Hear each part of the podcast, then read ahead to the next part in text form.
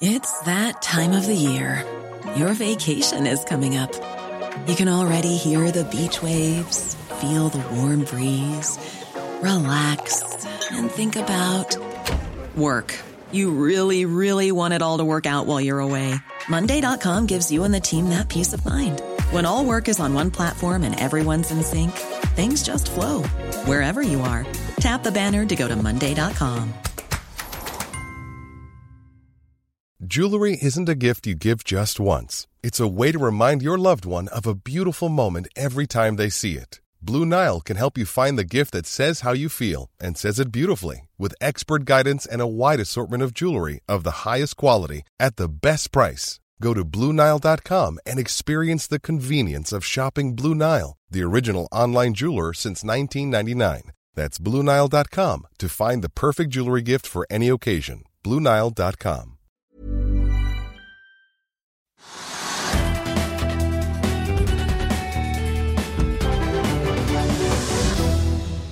Velkommen til Økonominyhetene. Vi begynner her hjemme på Oslo Børs. Trygve, en kjedelig børsdag kanskje for mange, men likevel ting som rører på markedet. Ja, men Det er en kjedelig dag fordi at Oslo Børs har vært ned mellom en halv prosent og 1% hele dagen. Og så begynte det litt skummelt fordi at eh, børsene i Hongkong falt med rundt 3 fordi da det er denne virussykdommen eller hva det måtte være i Kina. Som på, minner om SARS? ikke sant? Ja, det var den skumle greia. Det, det ga dårlige signaler, i hvert fall. Så det, når de Asia åpnet veldig ned, og så tenkte vel kanskje mange at det ville smittet i andre børser, og det kunne da inkludere Oslo Børs, men, og, og det har vært ned hele dagen. Uten, uten noen store drivere, men øh, oljeprisen har falt litt tilbake, så den ligger på 64,5 dollar per fat. Uh, og det er litt ned. Det har vært litt opp og ned hele tiden, men litt ned. Og det syns folk kanskje også var litt negativt, egentlig, at oljeprisen faller. Og da har man da, altså da eh, senket disse såkalte oljeaksjene, både Equinor og Aker BP litt i dag. Sånn mellom 1 til 1,5 prosent, 1,5 til 2 prosent har det vært ned hele tiden. Så det har vært negativt. Så ok, det driver børsen ned. Og så har vi også hatt eh, ja, relativt, noen få, da, for ikke å overdrive, man har hatt noen få negative kommentarer til oppdrettsnæringen også. Og der er oppdrettsnæringen også ned i dag. Ja, og der har jo prisene vært på et veldig høyt nivå sammenlignet med hva de har pleid å ligge på. Altså Forrige uke hadde vi jo laksepriser opp mot 76-77 kroner kiloen. Så det kan bare gå ned. Så mange venter vel at kanskje det skal eh, Når man da får mer laks ut på markedet som normalt er, det pekes jo på dårlig vær, så faller kursene Ja, også. kanskje, og det er kanskje Og kanskje man venter at det vil komme, må vil komme et resultatvarsel før de slipper tallene for uh, fjerde kvartal. Eh, Kanskje man forventer at andre lakseselskap vil følge i samme retning? Kanskje. Og ja, i alle fall så ja, markedet altså, kan dis diskontere det som du nå sier. Allerede kursen i dag har vært ned liksom halvannen prosent, så det er ganske mye. Og så er det blitt mer usikkerhet blant de, de gode eh, analytikerne om hvor, hvilken vei det bærer. Og om det blir innført denne sjømatskatten Ja, eller lakseskatten. det kan jeg ikke tenke meg at regjeringen altså innfører på slutten av, sin eh, styringsperiode. Altså det er halvannet år igjen. Men hvis det kommer rød-grønn regjering på plass om ett og et halvt år, vil ikke dette være en ypperlig mulighet for de å innføre en sånn skatt? Kanskje, de, dette utvalget som utredet, sa jo da det at hvis man foretok en, en, eh, en, en ekstrabeskatning på kanskje 40 kroner eller sånt, altså 22 vanlig ordinær overskuddsskatt pluss 40 kroner eller sånt, så vil man få da en totalskatt på 50-60 av overskuddet. Og det vil gi da staten 7 milliarder kroner i året eller sånt hvis jeg husker rett. Det er en stund siden nå. Så det er mye penger å hente hvis man gjør det, men det vil også være supernegativt for de oppdretterne langs kysten som har bygget det opp kanskje fra små, enkle bedrifter til mellomstore bedrifter hvor da mange har kjøpt konsesjoner og kjøpt rettigheter og selskaper etter hvert, som egentlig har priset disse ekstra, altså denne fordelen oppdrettsselskapene har, da, å være såkalt monopolister eller ha en avkastning som er større enn det andre har. Så altså, Jeg er imot den, der, eh, den grunnrentebeskatningen. og Jeg tror ikke regjeringen innfører den heller.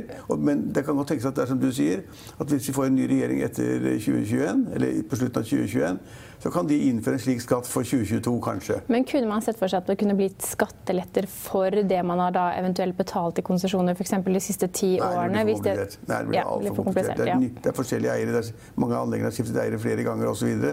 Store og små anlegg. Så det, kan, det er altfor komplisert. Det det, er helt riktig som du sier, det kan tenkes at det da er negativt for næringen i 2022 eller 2023.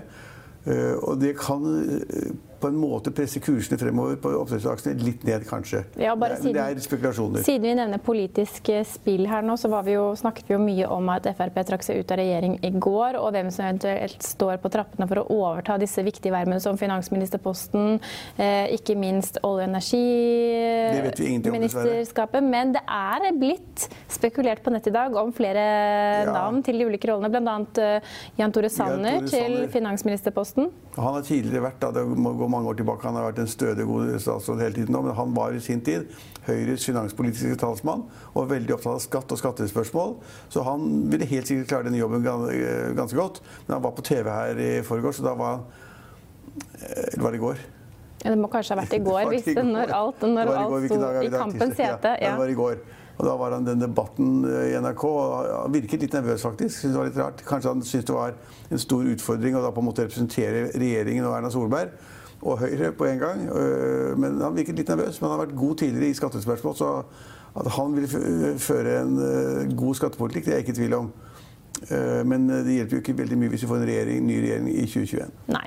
Eh, Og over til hva som kommer til å prege norsk økonomi fremover. Så da var jo da SSB ute med en konjunkturmåling i dag som viser full stans for norsk industri. Jeg har ikke sett nærmere på tallene, men det de sier er overskriften lyder av det at liksom, hvis de tallene er riktige, de som SSB har kommet med, så er det full stopp i norsk industri. Og det er ikke bra, for det kan da hindre veksten. Det, kan, øh, det, er, det er masse negativt ved det. De det- sier at det til og med kan være snakk om et konjunkturomslag for norsk ja, industri. og det så jeg, og det, hvis det er riktig, så er det ganske alvorlig at det kommer akkurat nå. Men, og de, og de første kommentatorene fra, på makrosiden har jo da vært at eh, med de tallene fra SSB, så er det ikke i nærheten å få noen renteøkninger i Norge. Altså Norges Bank vil vil ikke øke renten, kanskje sette den ned. Men kan det bety at Norges Bank var litt for aggressive med å heve renten, eller var det en riktig strategi å heve renten opp til det nivået vi er på nå? Ja, Sannsynligvis var det omtrent riktig å heve den, men de hadde jo planen om å øke det mer. Men de hadde skjønt at det går ikke, for norsk økonomi går svakere. Lavere vekst er det i mange steder i Europa også. Og hvis industrien stopper opp, hvis det er et sånn skifte som har kommet, så er det ikke i nærheten at Norges Bank kan øke renten. men og jeg vil kanskje tenke at de heller ikke vil senke den, men i hvert fall så vil den bli holdt uendret. Ja, og IMF var vel ute og nedjusterte veksttallene for eh, global økonomi i går. Ja, og det er også et godt poeng. og Mange har gått ut og sagt at de skjønner ikke at IMF kan gjøre det. Vel, de har sikkert 1000 personer som ikke gjør annet enn å sitte og teller tall og peller og teller. Så, det, så de har sikkert gode grunner for å si det de gjør. Og, og det er negativt at den veksten settes ned. Eller Ja. antas å gå ned. Så over til noen gladsaker på Oslo Børs i har dag. du gladsaker? Vi har en aksje som går 10% altså PCI Biotech. De har mottatt på eh, pantet av amerikanske myndigheter for bruken av vaksineteknologien Fima om jeg sier riktig, Ja. Firmavac. Eh, Fimavac, tror jeg, i kombinasjon med cytokiner. Og jeg er ikke ekspert, så folk ikke arresterer meg på at jeg ikke klarte å si det disse navnene helt riktig. du er ikke ikke lege. eller personell, men, men aksjen beveger seg faktisk 10% og det er klart at for legemiddelselskap, når man da får vaksiner i bruk og også i distribusjon, Jeg vet ikke om det har kommet så langt som til eh, distribusjon, men i hvert fall at de fikk lov til å teste det ut eller patentere eller hva det måtte være. Så det er kjempepositivt for et, et, et farmasiselskap, selvfølgelig. Ja, og så ser vi at Procef-fallet fortsetter. Aksjene har jo falt enormt Ja, siden nyttår. Ja, det kommer dårlige meldinger hele tiden. og Jeg har tatt det ganske grundig tidligere. Og det er det at uh, Utnyttelsen av den flåten de har, er helt elendig. Den er bare en fjerdedel av flåten som er utnyttet. Og det er dårlige rater, og de skal hugge opp uh, tidligere boligrigger osv. Og, Og det er vel 70, det er vel 70% ledig kapasitet Ja. på hele eh, boreri, altså bo, Markedet. borigmarkedet. Altså Floatel, også en annen konkurrent, har vel også hatt en elendig utvikling. Ja, hvis de liksom da, man kan jo tenke seg at det ble litt bedre marked. Da, at flere operatører, sånn som de store oljeselskapene, vil bore mer og trenger da disse boligriggene ved siden av. Men det er ikke i nærheten av å tro det akkurat nå. Det, da skal det en kjempeøkning i aktiviteten til før det slår ut i bedre rater. Er konkurrenter, og bedre rater og bedre utnyttelse av det, det markedet de har. Så det ser kjempedårlig ut for det selskapet. Men når vi først er inne på rater, må vi da kanskje over til Øystein Streisbetalens tankrederi, eller tankrederskap. For han har jo det 10. januar skrev jo Finansavisen om at eh, Øystein Streisbetalen var på vei inn i å kjøpe et VLCC-nybygg fra Daewoo-verftet i Sør-Korea, som skulle leveres da senere denne uken. Og i dag kom børsmeldingen. Han er da en av tre eiere. De eier en tredjedel hver av dette nybygget, sammen, som de betaler 106 millioner dollar for. Og det er da Idan Ofer og George Economo som er med på eiersiden. Finansavisen var tidlig ute og så det og fikk tak i det at han var med der. Og Hvis det da kommer en offisiell bekreftelse på det, så er det veldig fint. Og tankmarkedet er jo bedre. Det er en, sannsynligvis en ganske god spekulasjon å gå inn i tankmarkedet. Tankmarkedet gikk jo veldig opp for et par uker siden. altså Da var det liksom 120 000 dollar per dag for de store skivene. Plutselig så falt det til 50 igjen. Så det er ikke, noe sånn der, det er ikke penger å hente på gaten. Det er tøft. Og det kan godt tenkes at det tankmarkedet ikke blir så bra som alle nå tror det blir. For nå skryter alle av at tankmarkedet blir helt fenomenalt. Arne Fredrik skal tjene masse penger. Spetalen skal tjene penger. Frontline skal tjene penger. Eh, men altså, når markedet kan falle 50 i løpet av et par dager, så er det litt skummelt. Ja, og, og, nå har jo da Martin Nes, som er eh, en av eh, hva kan vi kalle det, våpendragerne til Øystein Stray uttalt seg. Og i hvert fall Øystein Stray mann i denne saken uttalt seg om at nybygget kommer på tankmarkedet på et tidspunkt der nybygg med skrubberteknologi er betydelig ettertraktet. Ja, det får vi håpe. Og det er jo samme spekket til, uh, til Arne Fredli. Og også Jon Fredriksen delvis. Ja. Masse nye ski med skrøbere. Men altså, jeg bare sier at når markedet er så volatilt, da, at det kan liksom gå opp i over 100 000 dollar per dag, per dag og så synker det i løpet av et par dager til 50 000 dollar per dag, som er fremdeles langt over altså kostnadsdekning. For kostnadsdekning ligger kanskje på 15 000-20 000 dollar per dag. Ja. Så har vi et annet rederi, eh, som er eh, en av vinnerne der, faktisk. En av de få aksjene som har gått opp av de 20 mest omsatte. Og det er BV LPG, som er et av verdens største rederier når det gjelder storgass. Og den aksjekursen har vært opp 60 og jeg har ikke peiling på hvorfor. Nei, aksjen er faktisk akkurat nå opp 7,5% Ja, Det er et av de selskapene da, et litt stort, tungt selskap som er da oppe på Oslo Børs i dag. Nell er jo dagens mest omsatte aksje, faller akkurat nå 0,1% Det er ikke så betydelig nedgang eh, likevel. Det har jo vært sett på som en veldig attraktiv grønn aksje. Det er ikke mange grønne aksjer å ta av i, i, Norge akkurat nå. Men eh, Petter Tusvik sier i et intervju i dag at fordi om det ikke er mange ESG-aksjer, så kan man ikke kalle Nell en trygg havn for investorene av den grunn. Helt sikkert ikke. Nei.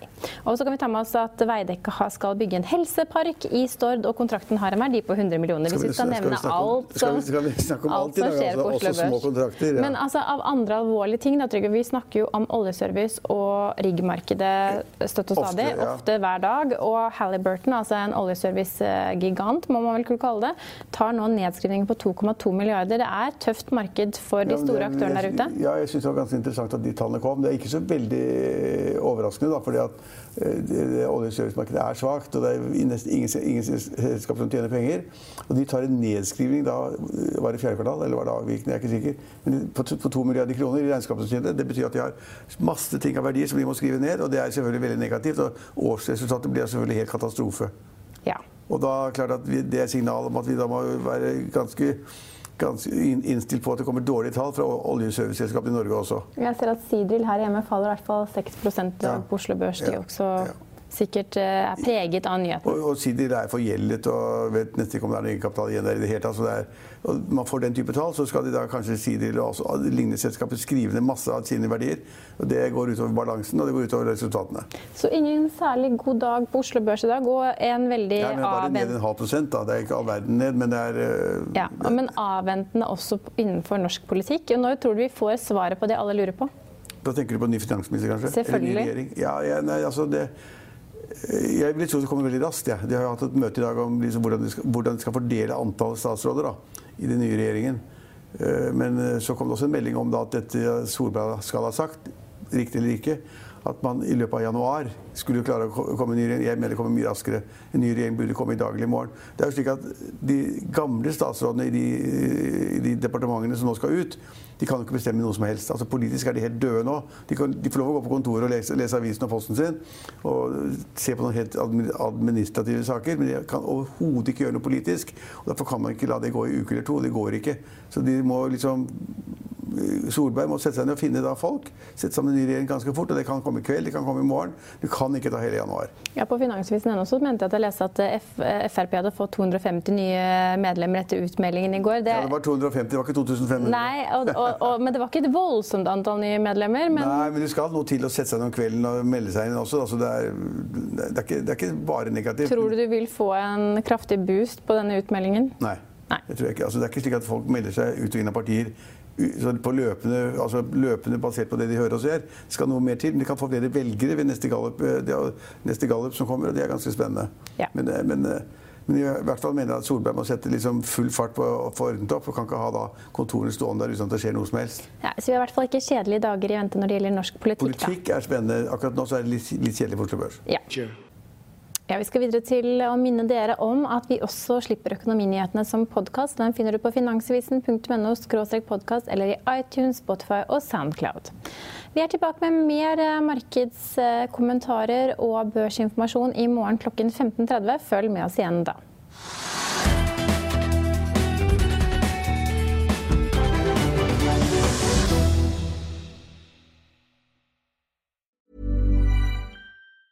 Planning for your next trip? Elevate your travel style with Quince. Quince has all the jet setting essentials you'll want for your next getaway, like European linen, premium luggage options, buttery soft Italian leather bags, and so much more. And it's all priced at 50 to 80% less than similar brands. Plus, Quince only works with factories that use safe and ethical manufacturing practices. Pack your bags with high-quality essentials you'll be wearing for vacations to come with Quince. Go to quince.com slash trip for free shipping and 365-day returns.